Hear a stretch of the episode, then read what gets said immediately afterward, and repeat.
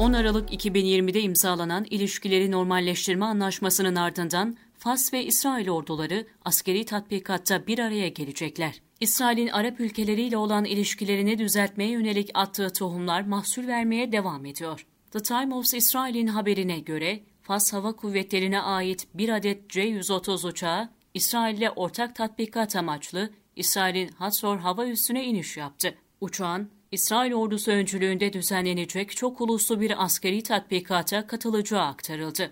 İsrail 20 yıllık bir durgunluğun ardından Fas ve diğer birçok Arap ülkesiyle ilişkileri normalleştirme dalgası başlatmış, bu kapsamda Fas'la İsrail 10 Aralık 2020 tarihinde bir anlaşma imzalamıştı. Sonrasında bu anlaşmanın karşılığı olarak Amerika Birleşik Devletleri Fas'ın Batı Sahra'daki egemenliğini tanıdığını ilan etmişti. Fas'ın bu karar neticesinde önümüzdeki süreçte İsrail ve Amerikan ordularından teknik ve askeri destek alması bekleniyor.